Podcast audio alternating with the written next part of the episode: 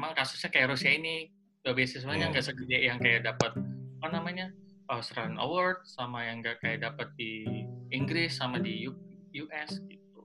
Tapi kemarin tuh sayangnya sayang banget pas di angkatan kita itu tuh hampir oke hampir gol. Ta- Tapi dihentikan sama LPDP karena ternyata ada temuan BPK. Aduh. Oke. Jadi Artinya nerimanya source-nya udah ada gitu ya. tuh. Nah, Nah, di Lala nih ban- eh, bandelnya sih ke- ke- ini ah, bukan off the record juga ya orang udah Gak apa-apa, it's okay. umum ya. Tapi sorry, Ki, gue penasaran Ki sebelum lu lanjut. Eh, itu kan kalau nggak salah dana LPDP kan dana abadi ya, artinya gede banget. Ya. artinya dana bunga dari Kementerian Keuangan ya. Mm, betul betul. Nah, itu apa ikut ke periksa juga sama BPK?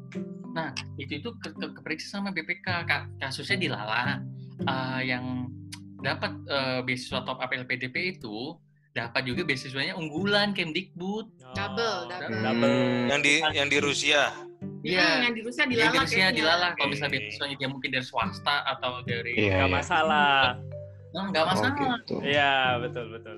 Tapi apa Tapi- ke bayar bawah-bawah Harusnya biasa. di bawah eh Iya. pemerintah kan. Ini mau di Lala orang itu nggak ngaku eh, apa namanya? Ya Kalau dia udah apa ke bawah-bawah. Tapi gara-gara satu kasus itu semua jadi batal. Akhirnya itu akhirnya sampai sekarang be- sebenarnya Nggak selektif gitu. Ya, enggak. Sebenarnya yang dapat LPDP top up pertama kali di dunia itu Rusia. Habis itu ng- ngikut tuh Turki, ya. Terus negara-negara di mana namanya? Skandinavia, Bukan, bukan di Timur Tengah. Timur yang, Tengah.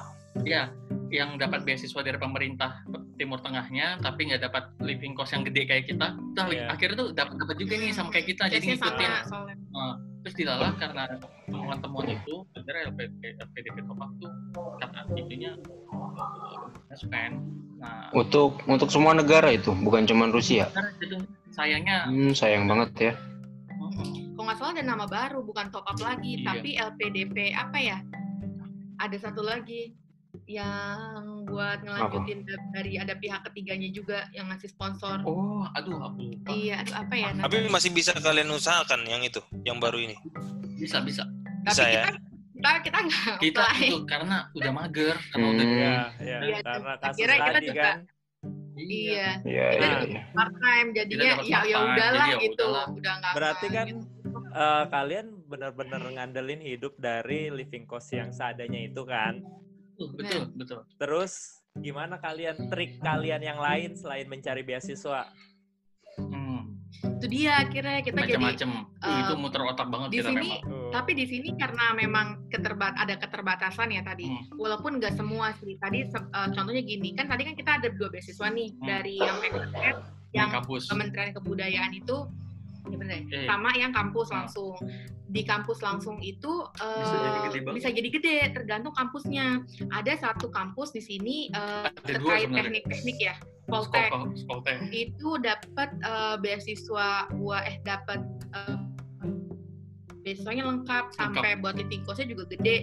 Itu kalau living 500 cost-nya ribu. kayak lebih 40 ribu rubel itu kayak sekitar 600 USD 8 mungkin. jutaan. Dan Iya, itu itu Sebulan tergantung eh, kalau misalnya dia Kampusnya. bagus eh, dia makin bagus kayak IPK-nya gitu dia makin tinggi itu kan ter- Hmm. kampus yang tertentu sih tapi Iya, iya. gitu kan Skol- Nah, kok tapi kan intinya kan lebih banyak yang kayak kita juga kayak gini kan. Jadinya orang-orang kreatif gitu kan.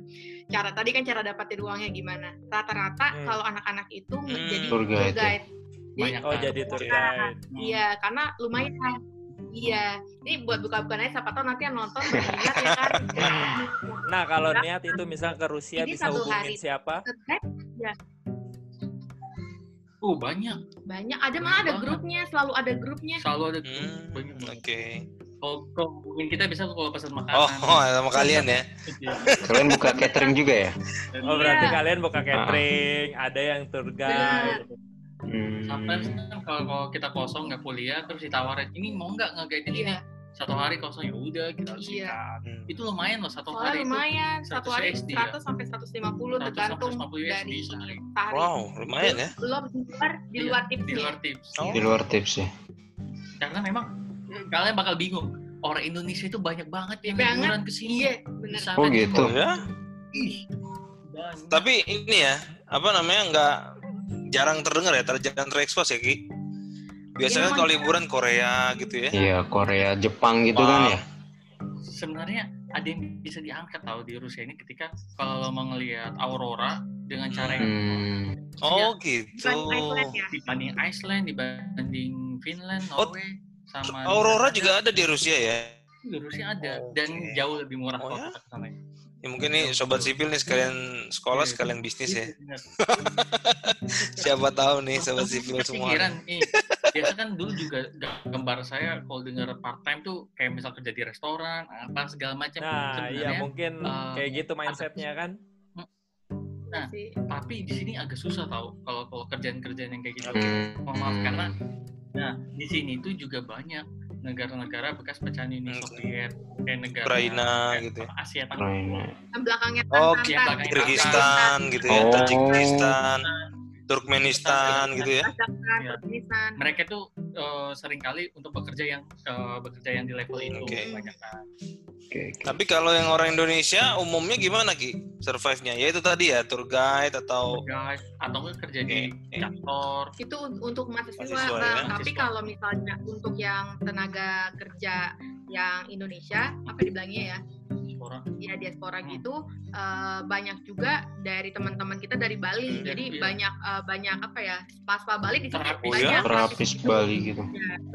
banyak banyak ada Baik, Tapi kalian- juga ya keren kemarin kita baru tahu apa Ki? Hmm. tembus sampai ke hotel yang paling bagus di Iya. Rusia itu Oh, ya? season. Waduh, menarik ya. Guys, ada info satu lagi nih yang belum Ah, apa banyak tuh, apa tahu tuh? Bocorin Nah, dong. bocorin nih, siapa tahu ya kan. nah, jadi eh, banyak eh, company-company Indonesia yang lagi mau ngembangin bisnisnya di sini, company gede, Hmm. contohnya Torabika, Mayora Indomie, Mayora. Indomie tuh Iya, iya. Apa ya Indofood ya nah itu tuh lagi bener-bener gencar-gencarin em, ekspor impor ke sini lah gitu nah Pasar itu pasti eh, nyari nyari apa ya ibaratnya Penghubung. office eh, eh, penghubung kan nar, narhubung antara orang ke bisa bahasa Rusia ataupun anak-anak mahasiswa di sini banyak kadang-kadang Iya, suka. Hmm. diajakin project gitu iya, iya, iya. lumayan lah Iya, bertambah iya, iya. Artinya nggak ada yang nggak mungkin ya selama kita kreatif. Ya tak ya, Jen? Betul. Nah, Intinya sih kalian nggak usah takut kalau dapat beasiswa yang living cost-nya kecil. Nah, kita bisa belajar banyak dari Reski sama Bila ya kan. Banyak lah triknya buat ngatasin itu. Muter otak ya kan. Oke. Tapi kalian itu dibantu sama komunitas ini ya, teman-teman yang sekolah di sana juga ya? Iya, benar. Sebelum kita berangkat, ini enak bagusnya ya. Sebelum kita berangkat, kan di sini ada teman-teman PPI, PPI Rusia, namanya Permira. Ada yang Permira Rusianya, ada yang Permira kotanya Moskow. Biasanya yang eh, apa namanya bertanggung jawab untuk penjemputan tuh Permira kota Moskow, karena kan banyak kan flight ke Moskow. Permira Moskow sama Permira. Nah, sebelum berangkat itu kita biasa dibikinin grup. Nah, di situ di, Hmm. apa dikasih apa namanya grup Telegram. Eh, biasanya semua discuss di situ. Jadi kita lebih eh, mudah lah untuk apa namanya akomodasi apa segala macam di sana dibantu. maksudnya mereka care banget Care, sih dari care. pertama kali Care, kita ya. datang sampai misalnya tadi eh, ada ada job nih kerjaan kan Iya, nge-guide. itu dia dilempar di grup eh ada yang free nggak? Tanggal segini segini. Misalnya prefer cewek karena tamunya cewek sampai detail Tapi- gitu. Biasa untuk begitu karena memang persaingan juga lumayan ketat. Informasi itu cuma Oh bertahan tiga gitu. Udah ya? Langsung pada ambil ya. beneran Pokoknya siapa cepat dia dapat. ya betul betul Tapi eh, untuk peluang juga ada kan, banyak kan masih. Ada. ada ada gede kok peluang Seru nih, seru ya. Betul. Tapi gini, Ki, Bill, gue penasaran nih. Tarik balik sedikit ke proses ini ya, uh, persiapan beasiswa. Selama persiapan itu kan artinya uh, nggak ada syarat bahasa yang begitu ketat ya seperti negara lain ya. bahasa Karena nggak terlalu ketat ya bahasa Oke, dia dia tahu kita willing akan belajar satu tahun belajar bahasa Oke. Rusia itu untuk jenjang uh, semua jenjang beasiswa. kalau kok S1 sebenarnya nggak terlalu karena S1 itu kemungkinan besar yang lewat PKR akan selalu bahasa Rusia kalau yang S2 Oke. S3 uh, probability-nya banyak yang bahasa Inggris juga dan juga kan kenapa rahasianya kenapa sekarang Rusia gencar-gencaran menerima mahasiswa asing karena dia pengen uh, ningkatin publikasi internasional jurnal Oke. mereka ini banyak jurnal tapi bahasa mereka sendiri mereka itu Oke. kayak selalu bangga sama bahasanya mereka, Iya, bahasa iya, Rusia di mana-mana. Dan Berarti- di Lala kan kenapa kampus kampus kampus mereka nggak di kampus kampus terbaik di dunia karena yang salah satu yang dinilai kan publikasi Iya, iya. internasional kan. Ah, betul betul. Nah, jadi mereka punya mengejarkan mahasiswa asing, terus uh, English fluent buat nulis bahasa Inggris terus diterbitkan, terus akhirnya peringkat-peringkatnya apa namanya universitas di Rusia ini naik lagi. Hmm. Paling Tapi selama kalian persiapan itu, persiapan bahasa Rusia itu ada pas- passing grade-nya buat lulus gitu? Atau cuman sekadar formalitas gitu? Enggak enggak enggak enggak enggak formalitas juga. tapi tergantung kita akhirnya milih Oh, eh, iya sih. milih jurusan yang berbahasa Rusia apa enggak kalau ngi- kita milih Oh. jurusan berbahasa Rusia emang ada ada ininya standarnya dia kayak gitu ada Hmm. standar Teman nilainya kami yang orang Afrika tuh enggak lulus. ada yang nggak lulus nggak lulus bahasa. Soalnya Balik nggak cuma bahasa ya. tau. Ih, saya juga stres kemarin tuh eh, gimana ya stres-stres lucu lah. Satu tahun tuh Lucu. nah, ketemu matematika. Belajar matematika pakai bahasa Rusia. Ibarat kata pakai bahasa Indonesia aja udah mabok ya Ki. Mabok. Itu dia sih salah Tapi artinya eh, waktu pemilihan kampus mana yang berbahasa Rusia, mana yang berbahasa Inggris itu kalian dibantu atau kalian sendiri yang riset? Oh, kita kita ngeriset sendiri. Berarti Jadi- bahasa juga tuh Rusia buat kalian udah udah jago juga lah ya bahasa Rusianya. dikit ya Dikit. dikit-dikit bisa lah buat nganter tamu Buat buat ngomong-ngomong apa bisa lah Coba dong, gue pengen denger say hi ke sobat sipil dulu pakai bahasa Rusia. Ada, dua ya. Yang Formal. yang formal dulu ya. Ya yang Oke, formal kayak coba gimana? gimana formal? Satu, dua, tiga. Zdravstvuyte. Apa Oh, Ya, itu artinya apa itu? Terus kita balasnya apa tuh? greetings lah greetings. Terus kalau misalnya kita kayak Yang non formal, kayak gini nih ke temen. kita sebutnya privet. Iya. Privet. Privet. Terus kita balasnya apa tuh? Ya sama, privet. Privet. Privet. Oke, Privet. Loh, Iya. Udah Rusia Eh, tadi- banget lu. tadi Bila mau nyampein ada ada sesuatu. Apa tuh Bil? Oh, apa ya? Oh, kayaknya ini deh, masalah jurusan. Jadi kan tadi Bang Hmm. Sherwin tanyanya eh, kita Yes. bisa taunya gimana dan contohnya kayak Kampus. Eh, pertama kali kita daftar kan kita cuma dapat eh, fakultas Bang.